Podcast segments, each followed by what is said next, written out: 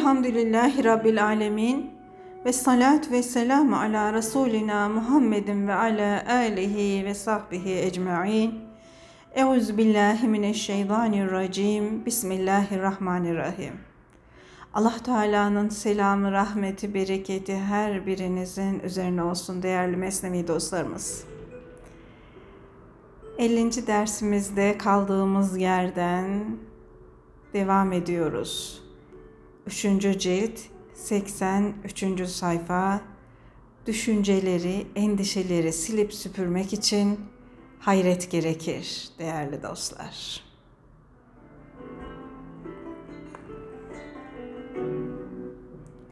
Bir hayret gerek ki düşünceleri, endişeleri silip süpürsün. Çünkü hayret fikri de zikri de alır götürür. Değerli dostlar, hayret ne demek? Yani hep şaşırıyoruz, hayret diyoruz ama işte tasavvufi manada hayret çok değerli. Daha önce de geçmişti Mesnevi'de. Hatırlarsanız eğer bebeklerin, çocukların her şeye hayret ettikleri için tasavvufi manada aslında çok değerli bir makamda olduklarından bahsetmiştik. Hayret, Cenab-ı Hakk'ın yarattığı eserlerin müşahedesinden yahut Rabbani aşk ve şevkin akla üstün gelmesinden meydana gelen şaşkınlık. Hayretin fazlasına heyecan derler. Hayret gelip geçicidir ama heyecan sürekli olur. Peygamber Efendimiz Ya Rabbi sana karşı olan hayretimi artır diye dua buyururdu.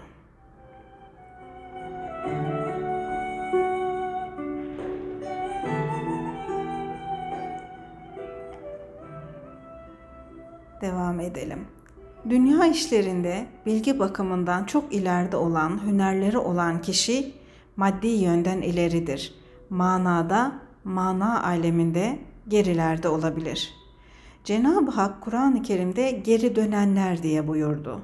Bu geri dönüş bir sürü koyunun meradan ağıla dönmesi gibidir. Yine tasavvufi bir derinlik var burada değerli dostlar. Bakalım ne demek geri dönenler? Geri dönenler Bakara suresinin 155 ve 156. ayetlerinde insanların korku ile, açlıkla, mal ve can noksanlığı ile imtihan edilecekleri haber verilmektedir. Bu bir musibete uğrayınca, başa bir felaket gelince biz Allah dostuyuz, gerisin geri ona döneceğiz diyenlerin müjdelenmesidir. Hz. Yakup sevgili Yusuf'unu kaybedince vah Yusuf'a yazık oldu demedi de muhakkak ki biz Allah içiniz ve ona dönücüyüz dedi. İnna lillahi ve inna ileyhi raciun. Bir e, kişinin vefat ettiğini duyduğumuzda da bu ayeti kerimeyi okumak sünnettir değerli dostlar. Böyle okuruz, böyle cevap veririz. Allah'a döneceğiz. İşte geri dönmek bu. Ama bakın Mevlana Hazretleri bunu bir de nereye bağlıyor? Ne diyor demişti?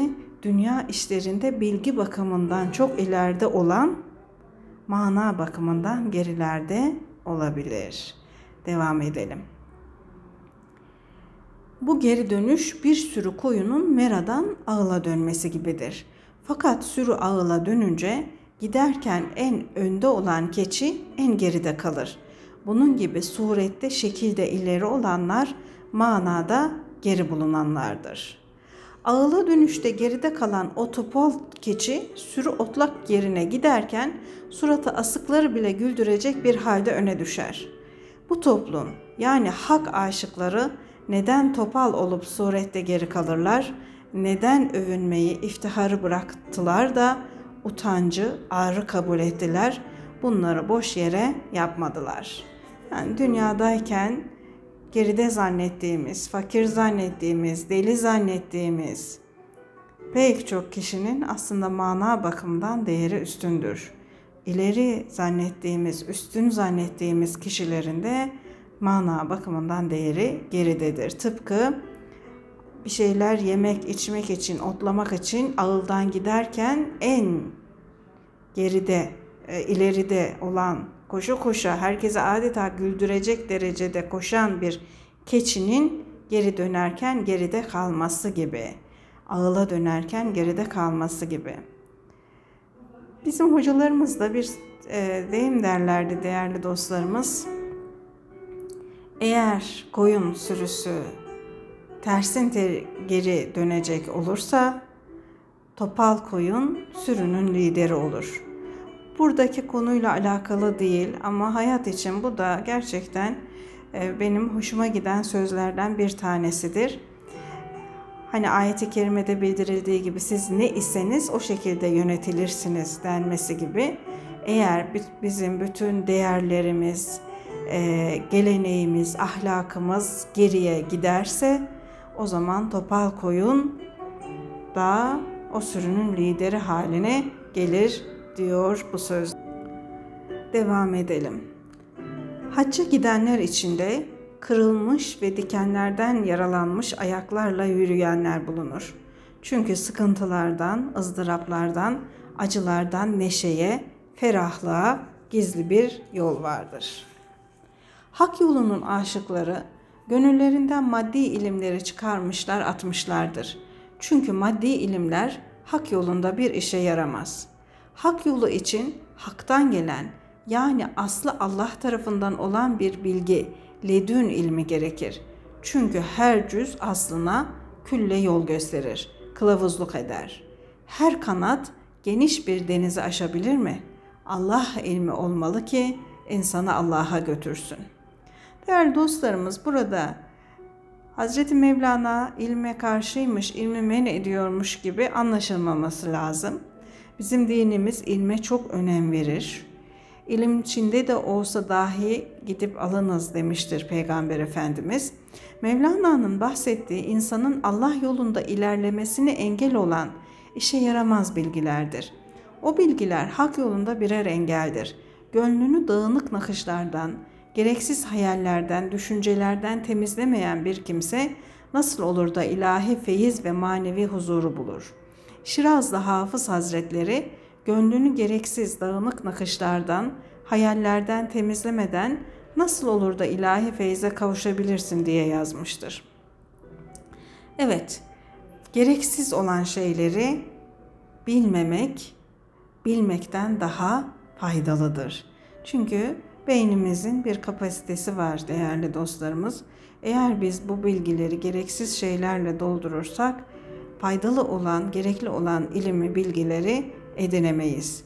Onun için Allah Teala bakın Kur'an-ı Kerim'de hiç bilenlerle bilmeyenler bir olur mu diyor. Bir olur mu? Bilenlerle bilmeyenler. Biz bu ayet-i kerimeyi hep tefsir ederken bilmenin önemine, ilmin önemine ithafen anlattık ama bazı şeyleri de bilmemek daha hayırlıdır. Özellikle şu günümüzde falanca artist şuraya gitmiş, şununla evlenmiş, şundan boşanmış, şuraya gitmiş bazen televizyonlarda yayınlanan programları e, dinleyen, onları takip eden, kafasında bunları yerleştiren insanlar için çok üzülüyorum gerçekten. O kadar gereksiz bilgilerle kafalarını dolduruyorlar ki. Halbuki Allah boş işlerden, boş bilgilerden yüz çevirmemizi bize emrediyor. Devam edelim. İş böyleyken sonunda gönülden siline, silinecek, atılacak ilmi adama ne diye öğretiyorsun? Ey hak yolunun yolcusu! Bu fani dünyada baş olmaya, öne geçmeye heves etme. Topal ol, geri kal da hakka dönüşte önde bulun. Evet, baş olabilmek için ne kadar uğraşıyor günümüzde insanlar demek yeter ki bir şeye baş olsun. Hani bir fıkra anlatılır e, benim oğlum askerde baş oldu. Ne oldu diye soruyorlar. İşte onbaşı mı oldu? Hayır. Yüzbaşı mı oldu? Hayır. Binbaşı mı oldu? Hayır. Ne oldu peki? Ahçıbaşı oldu. Evet bir baş ol da ne baş olursan ol diye düşünüyor günümüzde insanlar maalesef. Oysa Allah nazarında önde olmak önemli. Hakka dönüşte önde olmak önemli. Dünyada baş olmaya, öne geçmeye heves etme diyor Mevlana Hazretleri. Ey nazik, zarif dost, geride, en ileride gidenlerden ol. Turfanda meyve de ağaçtan ileridir, ağaçtan öncedir. Ne kadar güzel bir tabir değil mi? Değil mi? Değerli dostlarımız, geride gidenlerin önünde ol. Evet, en geride ol yani. Görünüşte meyve ağaçtan sonra meydana gelirse de aslında o öncedir, ileridir. Çünkü ağaçtan maksat meyvedir. Değerli dostlarımız burada Hazreti Mevlana biz zaman itibarı ile sona kalmışız. Fakat manevi mevki ve mertebe itibarı ile öne geçmiş olanlarız hadisine işaret ediyor. Kaside-i Taiye'nin şu 631. beyti bizim peygamberimizin yolunda yürümemizi, onun manevi çocukları olduğumuzu haber verir. Peygamberimiz buyuruyor ki, ben görünüşte Adem oğlu isem de sevenlerin gönlünde benden bir ruh vardır ki benim baba olduğuma şehadet eder. Evet, en son ümmetiz ama kıyamete yakın gelen ümmetiz. Bu yüzden de daha değerliyiz Allah Teala'nın nazarında. Onun için diğer ümmetlere verilmeyen pek çok kolaylık ve pek çok mesela Kadir Gecesi gibi pek çok lütuf ve ikram bize verilmiştir değerli dostlar. Yeter ki biz onları iyi değerlendirebilelim.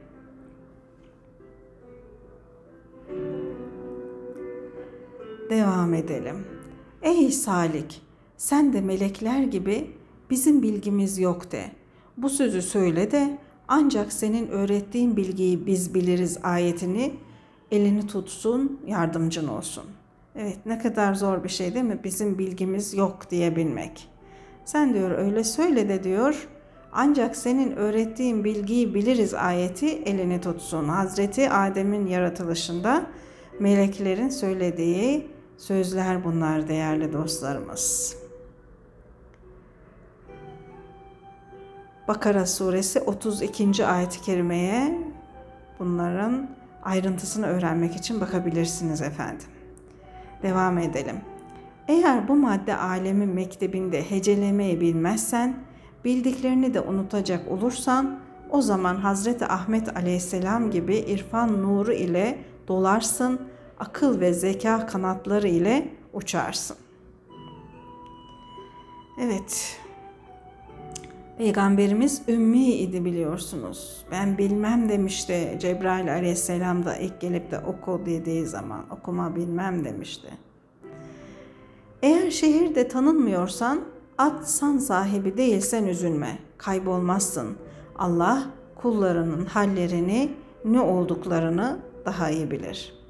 Şöhretin afet olduğu bir hadisi şerifte beyan buyurulmuştur değerli dostlar. Bu yüzden hak aşıklarının çoğu kendilerini gizlemişlerdir.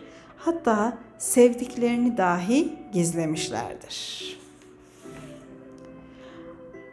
Hani o tanınmayan kimsenin bilmediği bir yıkık yer var ya, orada korunmak için gömülmüş bir hazine vardır. Hazineyi hiç bilinen yere korlar mı? İşte tıpkı bunun gibi feraha kavuşma, kurtulma da, hastalıklar da, meşakkatler de, sıkıntılar da gizlidir. Evet değerli dostlar. İncil'de de böyle bir ifade var. Hazineler yıkık viranelere gömülüdürler.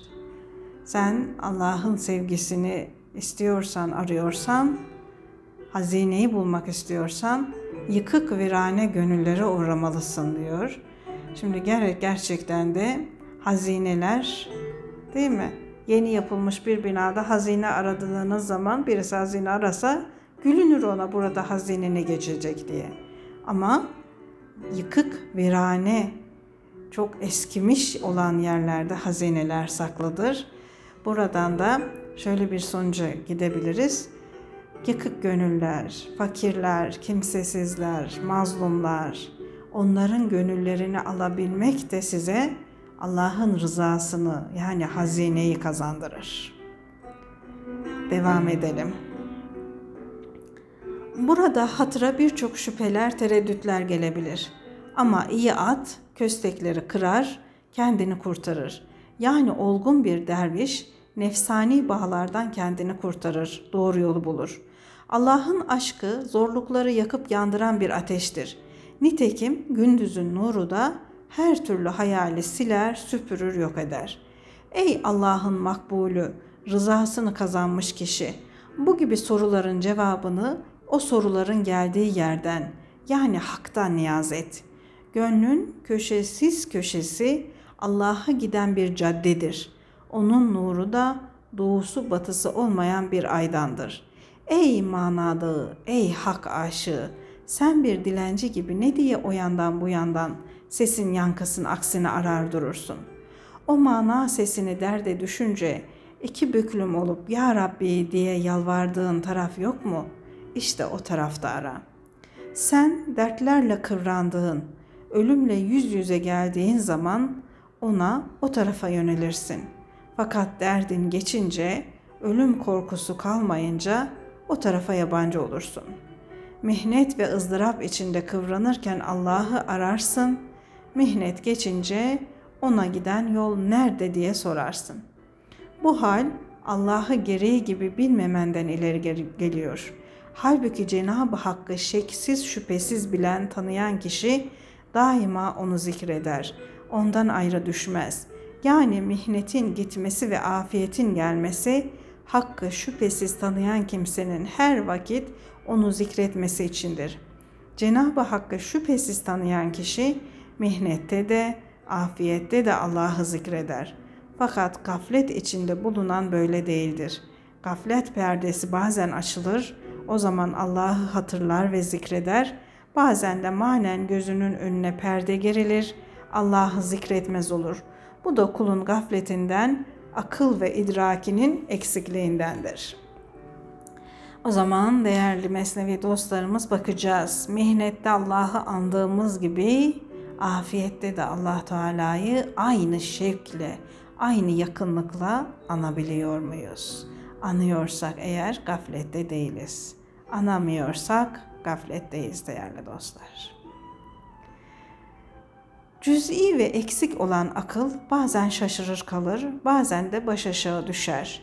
Külli ve tam olan akıl ise zamanın hadiselerinden emindir, kurtulmuştur. Evladım, sen aklı, hüneri sat, hayranlığı, şaşkınlığı satın al. Küçük görünmeye, değersiz sayılmaya bak. Horluğa yürü. Böylece manaya yönel. Yoksa dünyalık kazanmak için ticaret maksadı ile Buhara'ya gitme.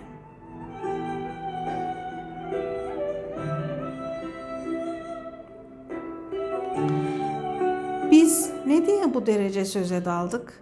Hikaye söyleyeyim derken kendimiz hikaye olduk gitti. Bazen Mevlana Hazretleri ne kadar güzel kendisini de eleştiriyor.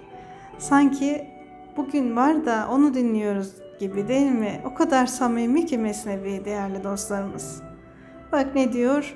Biz ne diye bu derece söze daldık? Hikaye söyleyeyim derken kendimiz hikaye olduk gitti. Böylece ben maddi varlığımdan kurtuldum, yok oldum, masal oldum. Bari manen yalvararak, inleyerek secde edenlerin arasına katılayım. Hakkı arayanlar için bu söylenilen sözler hikaye değildir. Sadık ve merhametli olan mana dostunun huzurunda durumu anlatmaktır.'' Evet, sadık ve merhametli olan mana dostunun huzurunda durumu anlatmak diyor Mesnevi'yi okumayı değerli dostlar. Hakka asi olan Nazır bin Haris Kur'an'da önceki Kur'an'a öncekilere ait masallardır dedi. Bu sözü nifak, iki yüzlülük belirtisi oldu. Geçmiş ve gelecek zaman sana göredir. Senin iki ayrı zaman sandığın geçmiş zaman ile gelecek zaman hakkın nazarında birdir.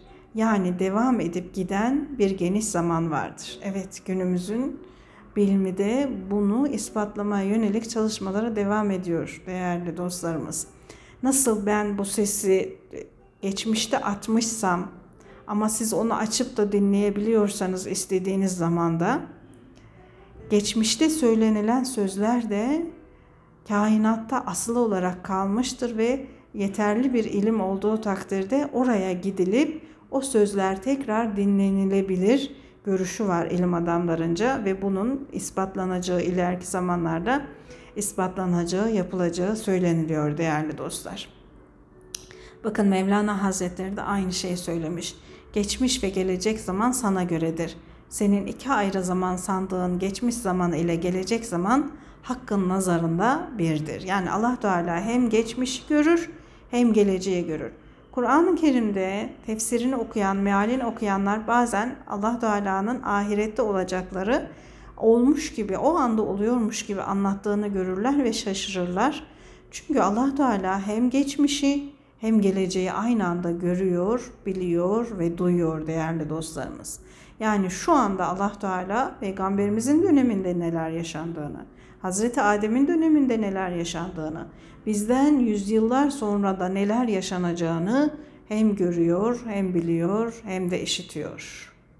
Zaman bizim için gerekli bir şeydir. Yaratıcı Allah Teala için zaman mefhumu yoktur.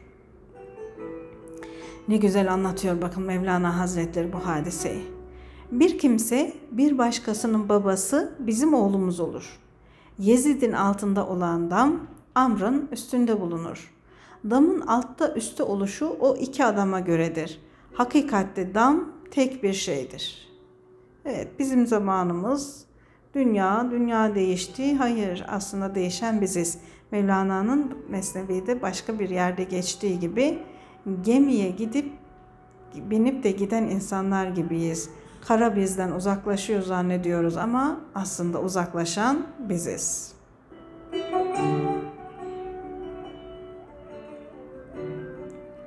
Bu sözde onun misli yani eşiti değil bir örneğidir. Ey hakikate susamış kişi! Allah'ın bu şeker denizinin ne kıyısı var ne de kenarı. Bu sebeple ağzını kapa, burası dere kıyısı değil. Kadri yüce Kur'an sonsuza kadar yaşayacaktır. Çünkü onun koruyucusu Allah'tır. Allah'ın lütfu Muhammed Mustafa sallallahu aleyhi ve selleme vaat etmişti ki sen ölsen de Kur'an ve İslam dini ölmez. Senin kitabını, senin mucizeni ben yüceltirim. Kur'an'a bir şey katılmaya, Kur'an'dan bir şey eksiltmeye ben engel olurum. Ben seni iki dünyada da korurum. Sözlerini kınayanları terk eder, onları hor ve hakir bir hale koyarım. Kimsenin Kur'an'a bir harf ilave etmeye ve bir harf eksiltmeye gücü yetmeyecektir. Sen benden daha iyi bir koruyucu arama. Senin şeref ve şanını günden güne artırırım. Senin adını altın ve gümüş üstüne bastırırım. Senin için mescitler, minberler, mihraplar yaptırırım.'' Sevgi yüzünden sana öyle lütuflarda bulunurum ki senin kahrın benim kahrım olur. Yani senin sevdiğin benim sevdiğim olur, senin sevmediğin de benim sevmediğim sayılır. Burada Allah Teala'nın dilinden Kur'an-ı Kerim'e Rabbimizin katındaki değerini anlatacak ifadeleri Mevlana Hazretleri zikrediyor değerli dostlarımız. Ve ne diyor bakın? Senin sevdiğin benim sevdiğim olur. Yani Kur'an-ı Kerim'le muhabbet, Kur'an-ı Kerim'le dostluk etmeye devam etmemiz lazım. Ve onun dostları Allah Teala'nın da sevdikleridir. Onu hıfzedenler, hafızlar, ona emek verenler, öğrenmeye çalışanlar Allah Teala'nın indinde değerlidirler. Devam edelim. Şimdi senin adını korkudan gizli anıyorlar. Namaz vakti gelince gizli namaz kılıyorlar. Lanetlenmiş müşriklerin korkusundan dinin yer altında gizleniyor. Ben ufukları minarelerle dolduracağım. Onun üstünden senin şerefli adını insanlara duyuracağım. Sana asi olanların iki gözünü kör edeceğim. Evet, peygamberimizin döneminde namazları gizli kılıyorlardı değil mi? Mekke döneminde. Ama Allah Teala sonra nice nice Müslümanlara lütuflar verdi ezanlarla, minarelerle gökyüzünü doldurdu. Devam edelim. Kulların şehirler alacaklar, mevkiler bulacaklar. Senin dinin yerden göklere kadar bütün dünyayı kaplayacaktır. Ey Mustafa, sen dininin hükmünü kaybedip ortadan kalkacağından korkma. Biz onu kıyamete kadar baki kılacağız. Ey bizim büyük peygamberimiz, sen sihirbaz değil, sadık bir peygambersin. Allah'ın elçisisin. Musa ile aynı vazifeyi paylaşmışsın. Kur'an senin için peygamberin asası gibidir. Kafirlikleri, küfür inançlarını ejderha gibi yutar. Evet. Nasıl ki Hz. Musa'nın en büyük mucizesi, e, asası ise Peygamberimizin en büyük mucizesi de Kur'an-ı Kerim'dir değerli dostlarımız. Sen toprak altında yatmış uyumuşsan söylediklerini yani hadisi ve Kur'an'ı Musa'nın asası gibi bil. Senin dinine kastedenler senin Kur'an ve hadislerine el uzatamayacaklardır. Ey peygamberlerin şahı, için rahat olarak mübarek bir uyku ile uyu. Sen mezarında uyur gibisin fakat nurun göklere vurmuş. Seninle savaşa girişecekler için savaşa hazırlanmış. Felsefecinin din aleyhinde söylediği sözlere senin yay gibi olan nurun oklar yağdırır, onu susturur. Cenab-ı Hak vaat ettiğini hatta daha fazlasını yaptı. Hazreti Peygamber mübarek hücresinde uyudu fakat bahtı ve ikbali uyumadı. Gönül gözü uyur mu? Şu dünyada baş gözü açık fakat gönül gözü uykuda nice kişiler vardır. Gönlü uyanık olan kişi baş gözünün kapasa bile ona yüzlerce basiret gözü açılır. Eğer sen gönül ehli değilsen uyanık ol. Daima uyanık bulun da Allah'tan gönül iste. Bunun için çalış, çabala.'' Eğer gönlün uyanık ise korkma. Baş gözü ile uyumaya bak. Bir hoşça uyu. Artık senin gözünün önünden ne yedi kat kaybolur ne de altı yön. Hazreti Peygamber buyurmuştur ki benim gözlerim uyur ama gönlüm hiç uykuya dalmaz. Bekçi uyumuş yani baş gözü uykuya dalmış ama padişah yani gönül uyanık ya sen ona bak.''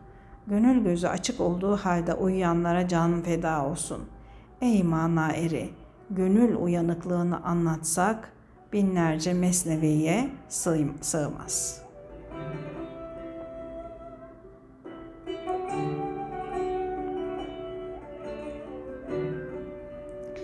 Ayrı ayrı yanan kandillerden hep aynı ışık gelir. Etrafa solgun ışıklar saçan bu kandiller ile İçindeki yağı yakan fitil başkadır. Yani ayrı ayrı maddelerden yapılmıştır fakat ışığı verdiği aydınlık birdir. Başka aydınlık değildir. Ötelerden gelen ışıktır. Yani Allah'ın ışığıdır, Allah'ın nurudur. Eğer içlerinde yağ yanan kandillere bakacak olursan, gerçeği anlamaz, şaşırır kalırsın.'' Çünkü onların aynı ışığı etrafa yaydıkları halde sayıları bir değildir, ikilik vardır. Fakat ayrı ayrı yanan kandillerden gelen aynı ışığa, aynı nura bakarsan, ikilikten de sonu olmayan sayıdan da kurtulursun. Ey varlığın özü olan insan! Mümin ile ateşe tapanın, Yahudinin ayrılığı, aykırılığı hep bakış ve görüş yüzündendir.'' manaya değil de şekle, surete bakmaktan ileri gelmiştir. Yani dinlerin dış yüzleri, suretleri, şekilleri, ibadet tarzları, mabetleri ayrıdır ama hakikatleri birdir.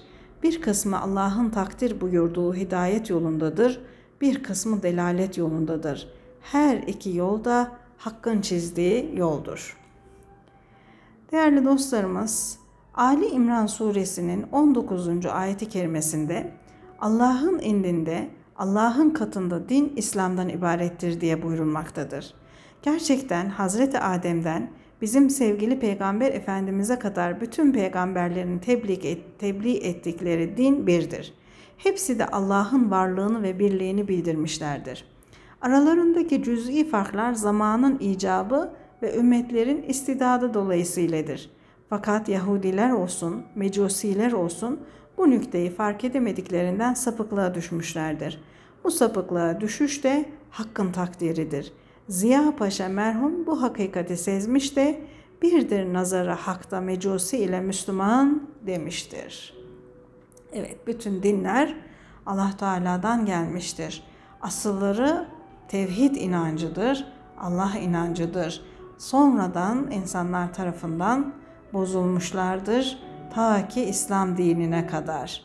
İslam dini az önce Mesnevi'de geçtiği gibi Kur'an-ı Kerim Allah Teala'nın koruması altındadır ve Kur'an-ı Kerim'de bir harf dahi bozulmadan günümüze Allah Teala'dan nasıl peygamberimize indirilmiş, vahyedilmiş ise aynı şekilde gelmiştir değerli dostlar.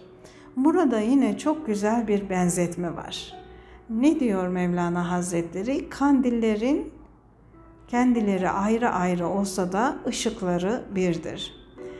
Bundan okumuş olabilir bir eğitimci e, kardeşimiz bir televizyon programında şöyle bir şey anlatmıştı ve çok hoşuma gitmişti bu örnek. E, ikinci çocuğu olacağı zaman birinci çocuğuna yanına alıyor, masaya iki tane mum yakıyor ve diyor ki bak bu annenin sevgisi ışığı, bu da babanın sevgisi ışığı. Sonra bir küçük mum alıyor. Bu da sensin. Onlardan, onların ateşinden onu yakıyor. Onu da oraya koyuyor. Bak bu da senin sevgin ve ışığın. Biz seni çok sevdik. Seni dünyaya getirdik. Sonra bir küçük daha mum getiriyor. Onu da yakıyor ve oraya koyuyor. Bu da kardeşin. Kardeşinin sevgisi, ışığı.